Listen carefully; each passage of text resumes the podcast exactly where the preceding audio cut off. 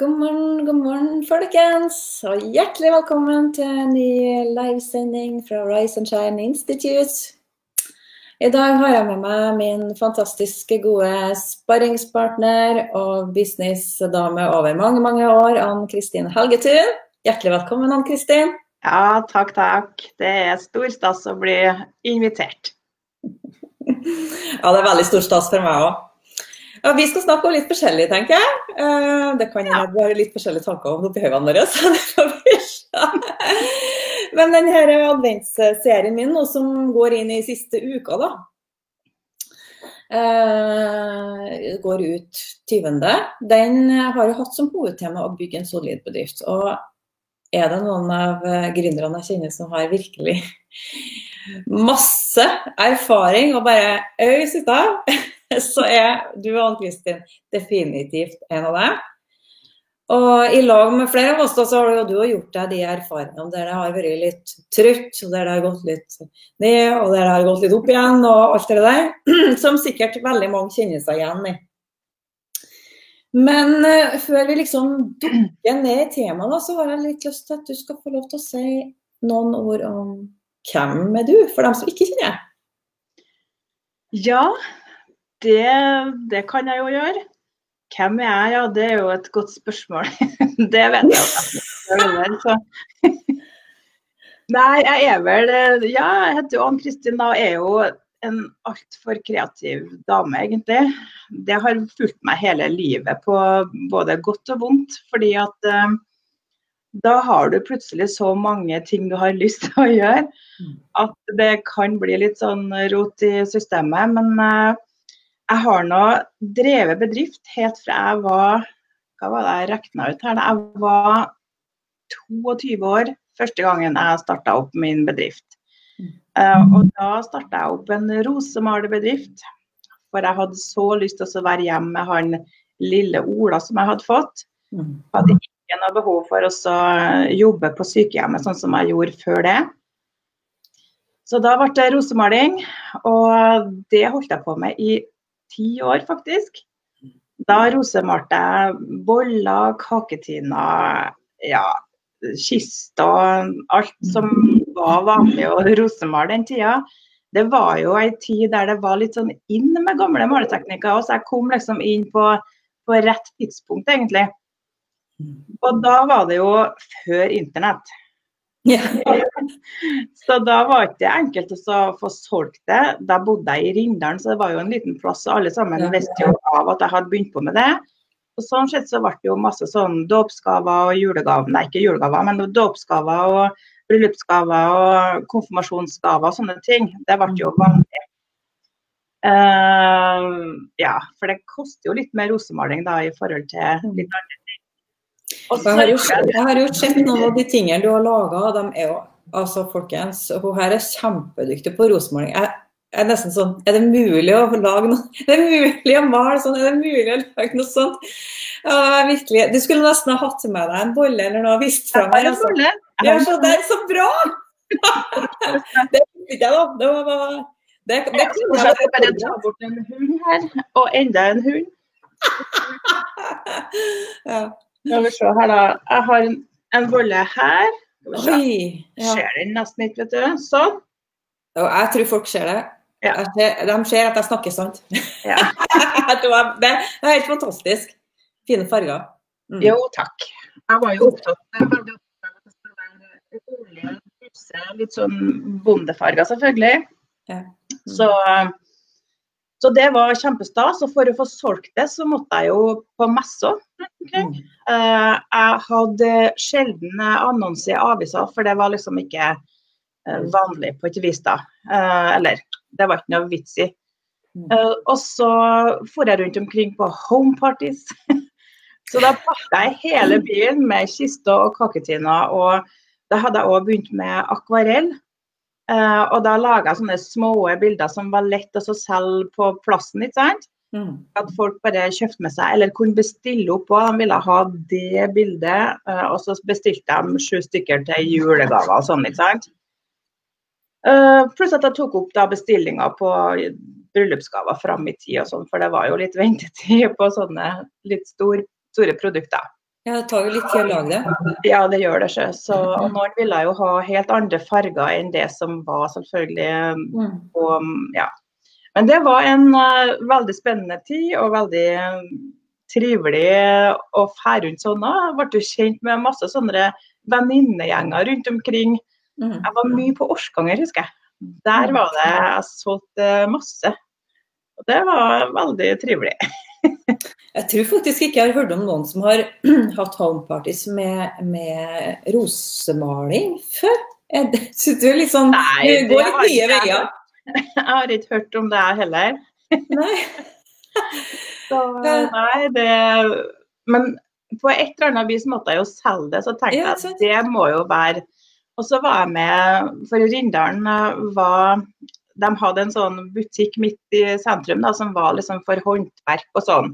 Så da jobba vi gratis der, eh, litt sånn eh, på kveldene og litt sånn i helgen.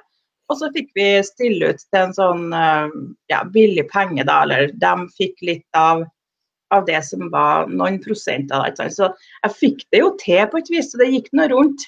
Det, det funka nå sånn da i ti år, da. Det var den første bedriften din. Det var den første. Malerstua het det Mm. den gangen. Og så hadde jeg jo Jeg hadde jo et traume bak meg den gangen. Da hadde jeg mista tvillinger i krybbedød for eh, noen år før der igjen. Mm. Så det var vel litt av grunnen til at jeg hadde behov for å være hjemme med Ola, da, ikke sant. Og starta heller en eh, egen bedrift enn å sette den bort, rett og slett. Mm. Eh, og så etter hvert, da, underveis da, i de her ti årene med rosemaling, så begynte jeg å ta utdanning. Fordi at jeg hadde jo lovt meg sjøl at en dag fram i tid så skulle jeg jobbe med, med folk i sorg. Mm.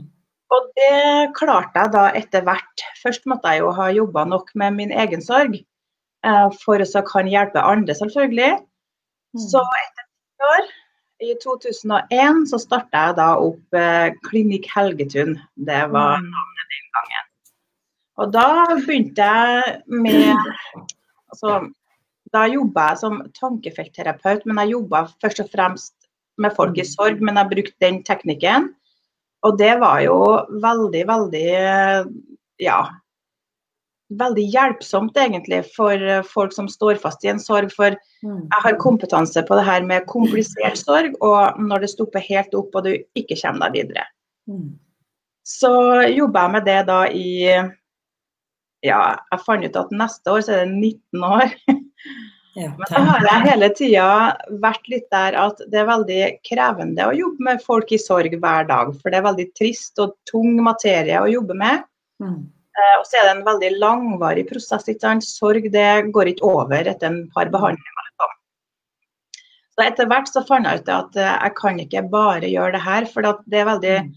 Krevende for meg som terapeut og for meg som eh, familiemenneske. Og det at eh, ungene kommer hjem, og så har jeg hatt bare triste pasienter hele dagen. Da Mm. kommer jeg inn i en slags eh, modus jeg som ikke er sånn veldig bra. Mm. Derfor så begynte jeg å leke med tanken på hvordan jeg gjør det her annerledes, slik at jeg kan ta en og annen av pasienten, men likevel ha mer glede inn i arbeidet mitt. da. Og så begynte jeg vel egentlig med det at jeg tok fram blyanten min og begynte å tegne igjen. Da gikk det på portrett. Og da fant jeg ut det etter Da har vi jo fått internett, ikke sant. Og den her um, sorgbehandlinga og sånn, det har jeg jo annonsert på Facebook. Og det har jo vært eh, greit å annonsere der. Men jeg da begynte, da tok jeg imot til meg og så annonserte jeg at jeg kunne tegne portrett av noen da, vet du, før jul. Mm. Jeg fikk så mye bestillinger vet du, at jeg fikk ikke tida til å gjøre det. Og da skjønte jeg det at jøss, det her er jo en vei å gå. Mm. Så nå har jeg ikke tegna så mye portretter, for det tar veldig mye tid. da. Ja, det gjør jo det. Og ja, hvis folk har fått eh, Hvis du har bak en eller annen plass Nå har du vist fra Rosenborg. Det portrett. Ja, hvis, Hvis folk har sett de portrettene du lager, så har de skjønt både hvorfor du selger så bare det, og hvorfor det tar litt tid. For de er jo ja, Det tar veldig lang tid, da, vet du. mm. Så ekstremt bra kvalitet på dem i hvert fall. Mm. Jo, takk. I hvert fall så tenkte jeg det at for det første så var det òg enklere å annonsere noe som var artig på Facebook, da, enn å annonsere noe traurig som sorg er, da. Mm. Uh, og derfor så tenkte jeg det at uh, hva annet er det jeg liker å holde på med som ikke tar så lang tid, men som blir litt mer sånn effektivt. Ja. Og hva er det jeg liker å gjøre, ikke sant? for de må jo tenke litt sånn. Så da tok jeg jo fram en gammel greie. da, det var jo, Jeg har jo mala mye abstrakte bilder tidligere òg, sånn abstrakt akryl. Mm. Blant annet sånn bilde som er bak meg her, det er jo et sånt abstrakt akryl. da. Mm. Og så tenkte jeg det i fjor høst, faktisk. Kanskje jeg bare skal lage et sånt gratiskurs, da. Og så annonserte jeg det, og det bare smukka inn 1000 stykker på kurs, vet du. Da fikk jeg jo jøss, yes, tenkte jeg, er det mulig? Og så da hadde jeg jo plutselig en e-postliste, og så hadde jeg jo mulighet til å remarketing, som det heter så fint på Facebook. Uh, så sendte jeg jo mailer til dem og tilbød et seksukerskurs etterpå. Og der ble det jo mange påmeldte, så jeg tenkte yes, hei, hei. Her begynner det å bli spennende greier, ja. Så Mm. nå har det jo gått veldig bra det året som har gått nå, altså. Mm. I januar i år, da, eh, så annonserte jeg et årskurs der jeg har hatt med meg 50 stykker nå på det årskurset. Eh, Nå blir de ferdige. De ble ferdige nå den 15. desember, faktisk. Det var det siste modulen. Og veldig mange fortsetter. Og så har jeg fått inn eh, en ny pulje nå som begynner på igjen i, eh, i januar igjen. Mm. Så, og da har jeg jo laga kurset ferdig, sant? så nå er det jo bare å finpusse på det som er greia. Mm. Jeg må bare si til deg at det er veldig mange som hilser til deg i chatten her. Uh, sier en så spennende dame du, Ann Kristin. Du kan mye. Det er veldig mange av uh, i både mitt og ditt nettverk som uh, sier god morgen og hilser til deg. Mm, god morgen, god morgen. Koselig Ja. at du er med. Ja. Og denne historien som du forteller, er jo et eventyr på mange måter. Helt ifra den første bedriften din med det her fantastiske rosemalinga som du fikk anledning til å vise fram i starten av sendinga her. Og eh, ikke minst det sterke engasjementet som du fikk da du hadde de tøffe opplevelsene da mista tvillingene. Mm. Eh, og som ble en veldig sterk drivkraft for deg for å hjelpe andre mennesker som eh, er i sorg. da som hun har jobba med i veldig, veldig, veldig mange år. Ja. Og så til, og, og jeg husker jo Jeg og du satt og diskuterte det her med de her kursene dine. da, Mm. Og gå online med det. Og du kan jo online, for du har jobba online siden ja, mye lenger enn meg i hvert fall. Ja, jeg, første online-kurset satte jeg nå opp eh, mens jeg var terapeut fortsatt. Ja. Mm. Mm. Ja. Og det er en del år siden, så eh, du kan det. Det var bare at eh, OK, så så du at det var en mulighet på en ny måte. Og så husker jeg at vi diskuterte det. fordi at når du begynte å teste, så var det en sånn respons. Mm. Så det du har gjort, er et veldig godt eksempel på noe Jeg skal snakke mer om det i morgen, faktisk, med en annen gründer. Eh, det jeg kaller det sweet spot, eller skattkista. Du ser, plutselig så ser du en mulighet i markedet Mm. eh, et behov, ønsker, drømmer til folk eh, som ikke er godt nok dekket i din bransje fra før. Mm. På, det kan være måten du gjør det på, stilen din, integriteten din, eh, måten du gjør det tilgjengelig på, altså nettbasert bl.a. Mm. Eh, og de, når du drev og testa, så var det ganske sterke signal på at du hadde funnet en sånn sweet spot. det hadde du definitivt. Men det eventyret som Si litt mer om det eventyret, for det var jo helt eh, Jeg satt jo bare og måpa. Er det mulig? At det går så fort? Så Ja, det gikk eh, veldig fort. Um, ja. ja, hva skal jeg mer skal jeg si? Altså, jeg tenker det at um, For det første så er det godt for meg å ikke bare jobbe med folk i sorg. Mm. Eh, og så er det òg veldig godt å være i denne kreative flyten, ikke sant. Eh, og det også, For meg så var det jo, da jeg mista tvillingene den gangen òg, Mm. så var det jo kunsten som gjorde at jeg fikk en pause fra sorgen. Så sånn sett så jobber jeg jo med folk i sorg fortsatt, selv om jeg jobber med kunst. Da, ikke? Mm. Så Jeg har jo ikke så veldig lyst til å selge bildene mine, det er jo litt barnslig å tenke sånn. Jeg vil egentlig bare vise fram eh, Jeg kan jo vise fram ja, det bildet alt starta med. kan jeg jo vise fram, Det har han ja, på veggen her. Det må vi bare se, folkens. Så Kristin leter fram det.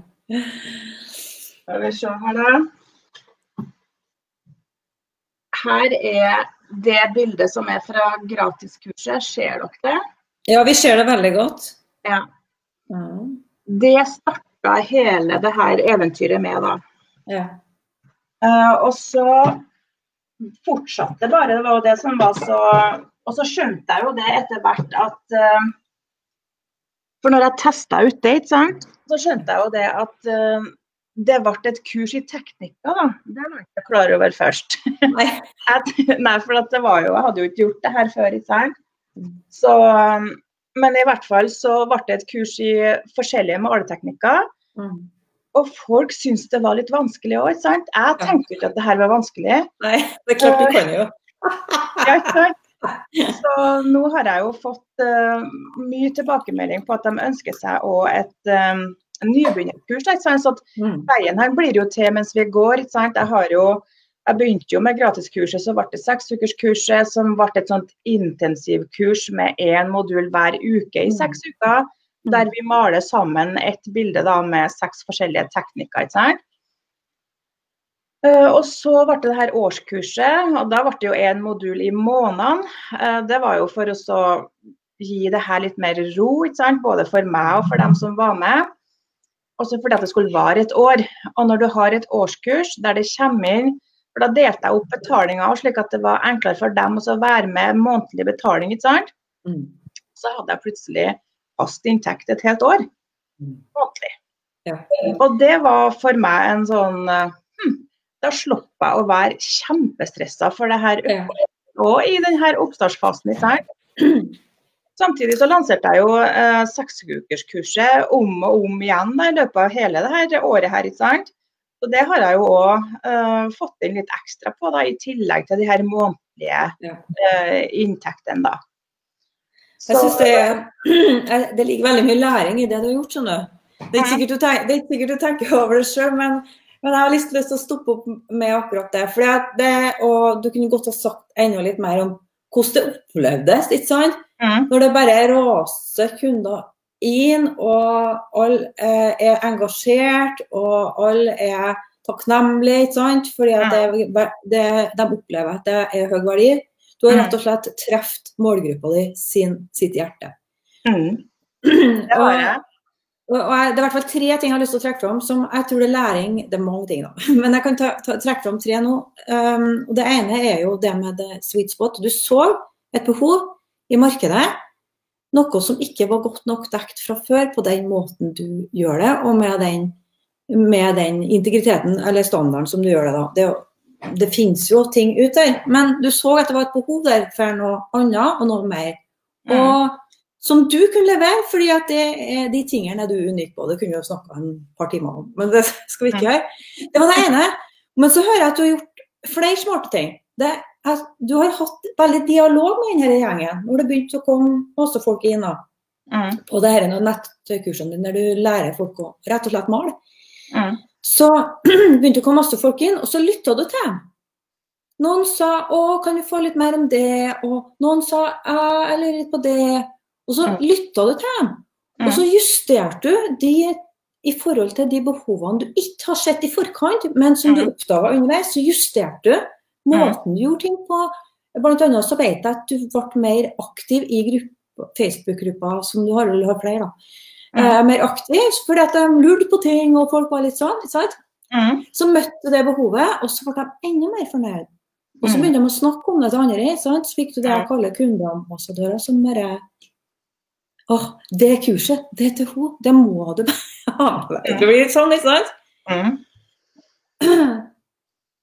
Ja, eh, jeg gjorde det. Og da det hadde gått et eh, halvt år, så sendte jeg ut en sånn eh, undersøkelse til alle sammen og fikk svar på masse spørsmål. Mm. Jeg husker det, jeg hadde supervondt i magen når jeg gjorde det, for jeg var jo kjemperedd for at de var misfornøyd eller at det ikke var bra nok. Eller... Var du det? Det var én person, tror jeg, som eh, ikke syntes det her var greit, da. Ok, Men du tenkte at kanskje det er noen som Ja. ja. Det kan vi jo tenke. Ja.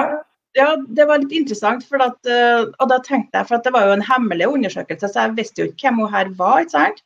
Mm. Men så heldigvis så sendte hun meg en mail i tillegg der hun uh, sa enda mer om akkurat det. Mm. Og da tenkte jeg guri meg, opplever hun det sånn? Det var jo litt mm. rart. Og så gikk jeg gjennom hele Facebook-gruppa, og hun har jo aldri engasjert seg i gruppa i det hele tatt. Sånn sett. Uh, og så gikk jeg gjennom kursportalen, da, og der ser jeg at hun har logga seg inn kanskje to ganger bare. ikke sant? Mm. Så klart at Da tenkte jeg at eh, da skal ikke jeg ta det sånn veldig innover meg, og så ga jeg henne muligheten til å trekke seg fra kurset. da. Mm. Og det ville hun. Så det var jo hennes måte å ikke engasjere seg som gjorde at hun ikke ville være med. Kanskje, kanskje, hun var en av dem som slett ikke var i målgruppa mi. sant? Så, og Underveis så fant jeg jo ut det at uh, hvis at det var en modul de ikke helt skjønte, så plukka jeg opp det ganske fort i gruppa. Eh, og Da laga jeg en ekstra livesending eller en ekstra video som jeg la ut i Facebook-gruppa som forklarte litt mer. Og det ble veldig godt mottatt da. Så jeg leter litt etter hva er det de trenger nå ekstra for å bygge opp under modulene, rett og slett. Og så har jeg Q&A i gruppa. Eh, ikke sånn hver gang, men eh, ofte fordi når jeg ser at det her er en modul som går rimelig greit, så ser jeg jo det at folk ikke eh, spør så veldig mye. Da kommer det bare bilder ut om de ja. Mens ellers så skjer at det ja. Så nei, jeg har prøvd og gjort så godt jeg kunne og har jo lært veldig mye om hvor viktig det er med oppfølging, da. Uh, så um, det er vel der utfordringa mi kan komme her nå, da. ikke sant? For hvis jeg skal sitte på Facebook og så kommentere alle bildene eh, mm. mange ganger for dagen. Da har jeg et problem når det begynner å bli mange. Mm, så jeg må finne en løsning på hvordan jeg skal gjøre det etter hvert her, da. Mm. Det finner jeg. og, og, da er det vi begynner å tenke struktur og systemer. folkens. Når det begynner å bli når, For en del er redd for det. En del er redd for å få for mange kunder, sånn at de mm. føler at de ikke klarer å følge opp ordentlig. Mm. Uh, men det er da vi begynner å, å få, lage støttestrukturene rundt uh, produktene, produktene, våre. Så der er du nå nå. det er kjempespennende. Ja. Det er en kjempespennende fase. Ja, og så så jeg at du gjorde jeg så at du gjorde én ting til som jeg har litt lyst til at folk skal få med seg. Og du var innom det i sendinga her nå. Det ene var at du, du fant rett og slett et behov i markedet. Du så et behov i markedet hos målgruppa di. Ja. Og, og, det andre var at du begynte å Altså du lytta, lytta til hva de, og endringer og justert, og hadde ti ører åpne. Men det tredje, som kanskje er det, noe av det, mest geniale i forhold til å få økonomi i det, det er at du har bygd opp en jeg kaller det produktportefølje, men en sammensetning av litt ulike produkter som henger veldig godt i hop. Og som gir synergi, eller som gir energi til hvert inne, og som gjør at folk opplever det som en veldig helhet. Da. Du holder jo på med det ennå, men ganske kjapt så lager du produkter som hang, hang i hop. Mm. Sånn at folk kan henge med deg. Ja. Fra de pusler med de helt vanskelige starten, mm. og så kan de videreutvikle seg i lag med deg. Mm. Uh, det er genialt. fordi at Hvis folk først har funnet en leverandør de koser seg med, så vil de gjerne. Fortsett bare. Ja. Fortsett i, og er, Der ligger økonomien i veldig mange av bedriftene våre. Ja. Hvis vi kommer dit at vi klarer å lage produkter som henger ihop, som markedsfører vårt innlegg, og som gjør at folk kan føle oss mm. lenge. Mm. Ja, um, det er Der er du er veldig flink og veldig rask på å få til det. Ja, jeg har sikkert det. Jeg har liksom ikke tenkt over det. Har ikke det. Nei. Men det har jo egentlig ikke vært en bevisst strategi i det heller. Det har vært mer slik at, at uh, neste gang så skal vi gjøre det. Så jeg har en sånn viss uh, For jeg har jo sett kurset før det var klart, men det var jo mm. I hodet mitt så hadde jeg uh, ti av teknikkene helt klar. Ja. Så det var liksom de to siste modulene jeg driver, som jeg liksom stressa litt med, men så tenkte jeg nei, vet du. Nå har jeg et helt år på å lære meg to nye teknikker. Sjøl ikke sant? Det må gå, liksom. Ja. Det må vi. Og der dermed har jeg snekret sammen veldig mye. Og så har jeg henta inn altså I modul 5 f.eks. så kan jeg si Husker dere i modul 2 så hadde vi den og den teknikken. Nå skal vi endre litt på den, og så skal jeg vise deg hvordan den kan gjøres på en litt annen måte. Så det har Ja, jeg vet ikke. Det var ei som sa en gang at du har en veldig sånn eh, Hva var det hun sa, da? Godt sammenskrudd hjerne, skulle jeg si. Ja, så Det det. klarer å holde en tråd i det, på et vis. Ja. Jeg vet ikke. Jeg Men i hvert fall, det er artig. Vet du hva forskning viser? At de som holder på med kreative fag, da, f.eks. maling, de utvikler hjernen sin eh, Ja. på en spesiell måte. Det, altså, det skjer mye flere koblinger. eh, Mm. Sånn at de som holder på med det musikk, da, eksempel, eller maling, eller sånt, utvikler hjernen på en måte som gjør at dere faktisk har Eller dere, da. Vi har lettere for å lære andre ting òg. Ja. Det viser forskning. Ja. Ja. Uh, så, eh, så det er sikkert helt rett. at Du har en veldig godt sammenskrudd Ja, Nei, det, for jeg klarer å holde en tråd i det, og så klarer jeg å holde en tråd i, i ja, over lengre tid. Altså, det var jo Jeg har jo feira hele uka nå i strekk. For at jeg har klart å så levere en modul hver måned et helt år. Og det var jeg jo litt spent på når jeg starta opp òg, men det handler jo om å stå i det og være i det. og selv om jeg hadde, Det var en modul jeg hadde sånn kreativ tørke. ikke sant? Mm. Det sto fullstendig altså Uansett, jeg visste jo hvordan teknikk jeg skulle ha, og alt var sånn. Da var jeg helt ærlig om det og sa det på Facebook-gruppa. vet du. Mm. Jeg står så fast i den her. Jeg har mala dette bildet 100 ganger. Mm.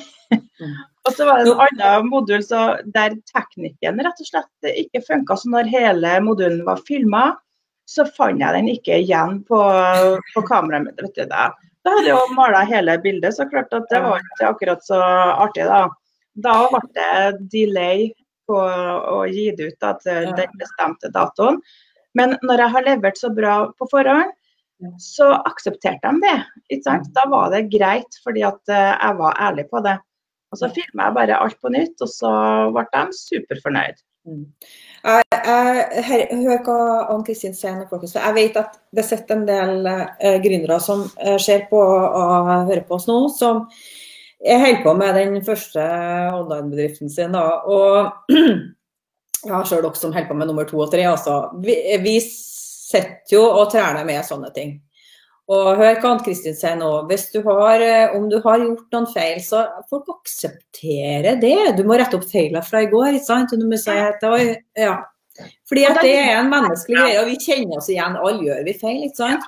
Ja, ja. Så det det kommer an på, er intensjon på å gjøre det beste. Ja. Ikke sant? Og har du den intensjonen, så retter du opp feilene fra i går. Så gir du dem kanskje det lille ekstra da, fordi at det ble Mhm. noe surreball med et eller annet. Ja. Så du gjør de tingene der. Du gir jo ikke bare blaffen. Det skal Nei. du ikke gjøre. Men Da fikk de en ekstra modul faktisk. fordi at eh, da fikk de gratis tilgang til en workshop som jeg hadde laga, som jeg egentlig selger som enkeltkurs. da. Da fikk de en sånn bonuskode. Fikk de kjøpe, eller få den, da. Og klart at da var det jo eh, ja, bot på såret, eller plaster på såret, pluss at han fikk modulen i tillegg. Ja. Så han må bestandig ha noen ekstra kort i ermet, da. Ja, det, jeg skal ha noen kort i ermet nesten uansett. Fordi at Shit happens, folk. altså, vi gjør feil. Vi skal Mm. gjøre feil, og det er jo dem vi lærer av. Men når det gjør det, så hvis en har noen ekstra Og det er fordelen med å ha kommet et stykke og begynt å ha en liten sånn portefølje med, med ting. Når en har holdt på en stund, så har han litt mer som er enkelt å dra opp av ermet. da.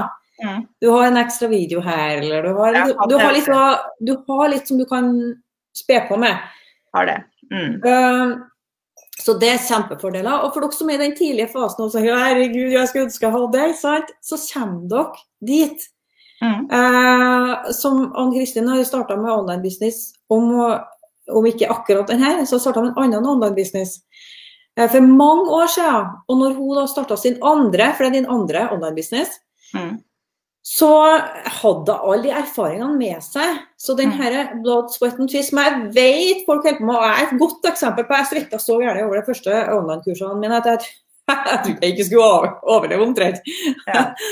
Uh, og jeg hadde videoskrekk, og ja, det var det meste. De som kjenner meg og har kjent meg lenge, vet alt om hvordan det var.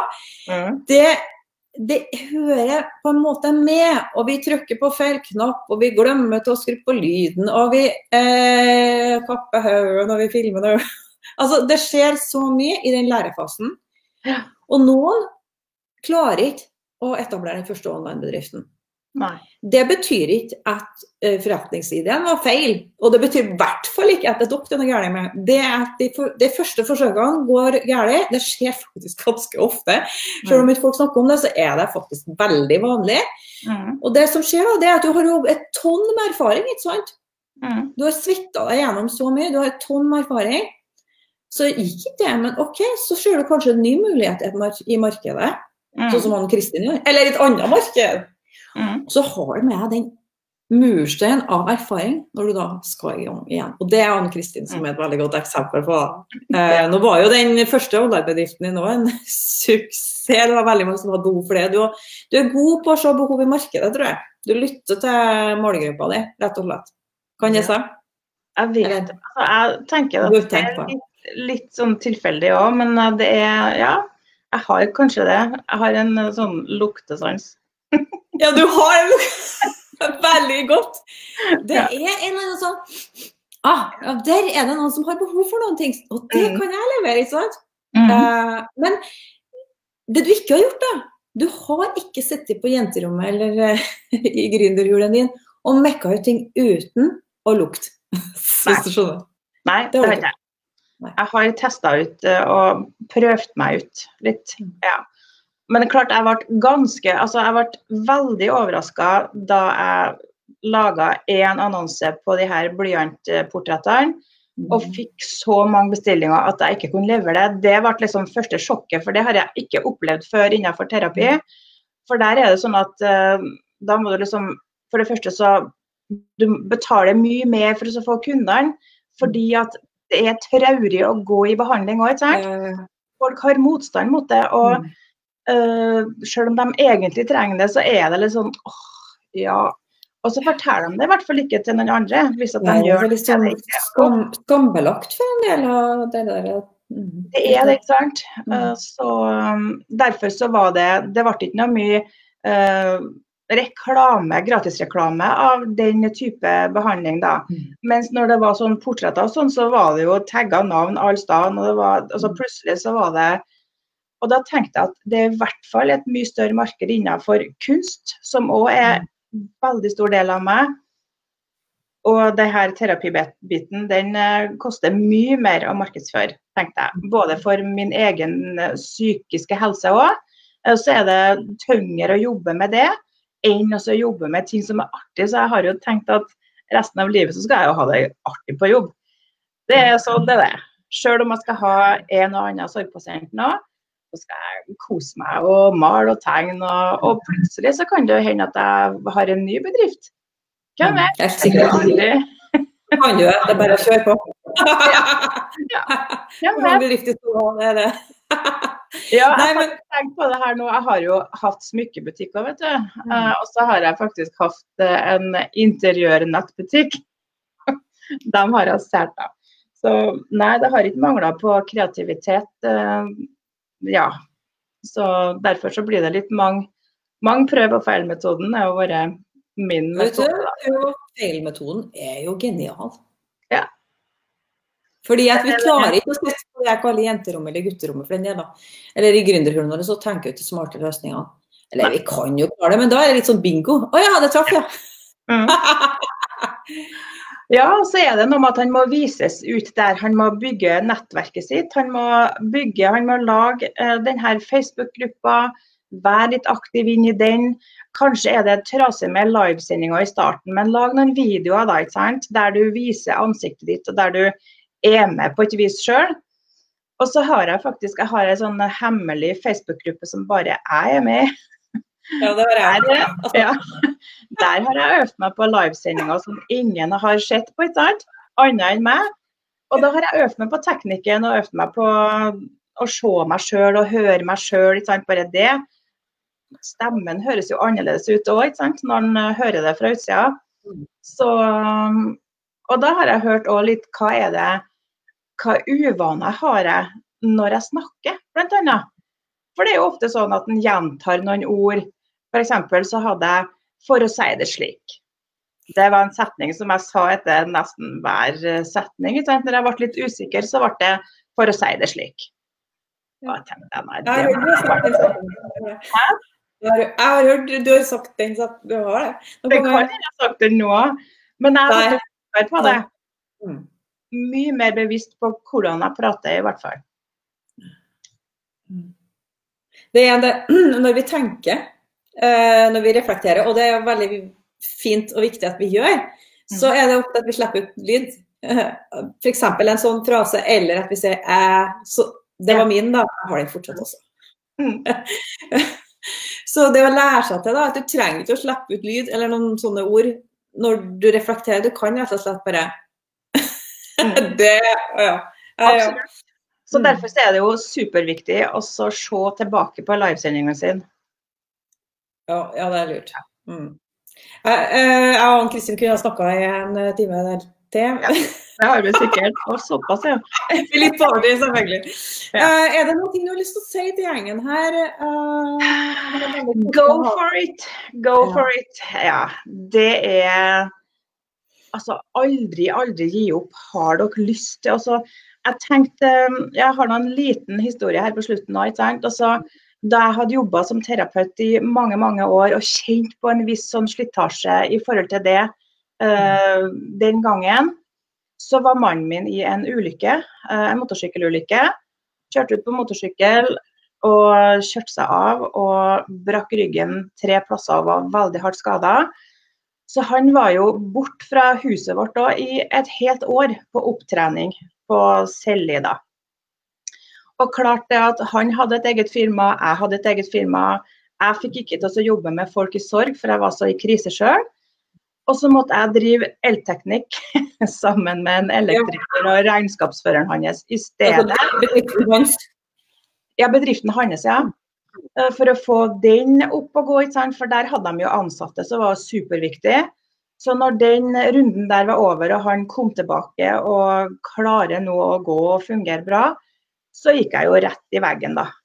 Og da, for å ha den her eh, overleve økonomisk For det første så gikk jo denne bedriften min konkurs, for jeg hadde jo ikke tida eller kapasitet uh, å jobbe med det. Uh, og så etterpå, så for å få meg sjøl stabla opp på føttene, så begynte jeg å ta nattevakter på sykehjemmet.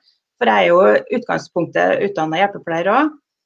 Eh, og da fikk jeg liksom uh, landa litt, så fikk jeg roa meg ned og så fikk jeg tenkt ja, hva, hva er greia, hva er greia. Og så kjente jeg den her uh, gründerdama i meg igjen da, begynte å puste meg i nakken. jeg tenkte, Jeg kan jo ikke være noe annet enn det jeg er. Og jeg husker jeg hadde en veldig sorg inni meg over å ikke drive egen bedrift. Altså Det å gi opp det her, det tenkte jeg vet du, jeg kan ikke gjøre det. Da kommer jeg til å skuffe meg sjøl uh, helst. ikke sant? Det er ikke at jeg brydde meg om hva de andre syns. Foreldrene mine syntes jo det var veldig greit at jeg hadde fått meg fast jobb, da. det var veldig greit for dem, for da visste de hvor jeg var hen i livet. Men for meg så var det en kjemperunde, det å krype til korset og bli ansatt. Uh, fordi at jeg bare måtte ha en pause fra gründertilværelsen min. For at jeg håndterte ikke akkurat da. Men det ga meg en skikkelig lærdom.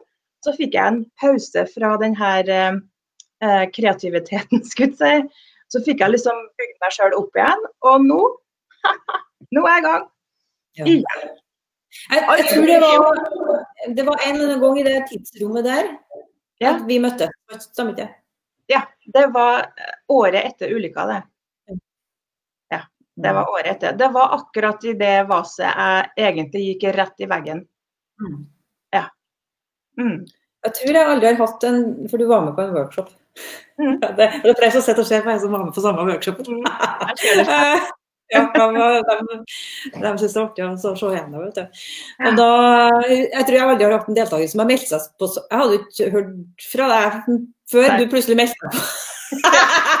det tok ett sekund, tror jeg. Ja. Ett sekund. Så da var jeg litt overraska, for det var ikke jeg vant til. Men, Men da var jeg det inni meg. Ja. Det var et sånn lykketreff. Og så mm. husker jeg at da hadde du vært gjennom en kjempetøff eller du var i en kjempetøff periode. Mm. Sånn at eh, jeg spurte om du kunne få bo gratis i lag med meg på rommet med mm. Kjente ikke hverandre. sånn at du fikk det til økonomisk. Ja. Mm. og, da ble vi jo ganske godt kjent. Så det var starten på et lykketreff for min del. Og det var jo ganske, ganske tøff periode, fordi at uh, når jeg for på den uh, workshopen, så var jeg jo borte bort i ei hel helg, og ikke en helga-workshop. Ja, tre dager. Mm. Tre dager, ja. Uh, og mannen min var jo såpass skada at Og da hadde vi jo fått tvillinger igjen. og klarte at han skulle være hjemme alene med ungene. Så han allierte seg med familien sin da, slik at jeg skulle få det til. Så det var et lappeteppe for å få det til, men jeg bare visste inni meg at det her er starten på noe nytt. Og det ble det. Der traff jeg masse flotte folk og grein mye og starta nytt igjen. Ja, du var ikke den eneste som grein, da. Det bruker å skje på sånne workshops. Ja. Nei, men det er noe med Når du har vært gjennom litt uh, tøffe ting, det kan være i business, men det kan også være i livet, så er det faktisk litt godt å komme i en støttende gruppe som det du gjorde da. da. Mm. Ja, vet du. Det var, det var, gull verdt å få en uh, ny start og se det at jeg mm. kan faktisk klare å være gründer igjen. For det hadde jeg veldig behov for. Jeg tror vi må ta opp tråden, jeg, Kristin. Ja. Det må vi. Vi tar en altså, sånn kaffekopp en kveld. ja, jeg og Kristin møtes med jevne mellomrom. Vi har sånn sparringsmøter egentlig hver mandag, men akkurat i dag så ble det live, eller ble tirsdag. Så forskjellige år.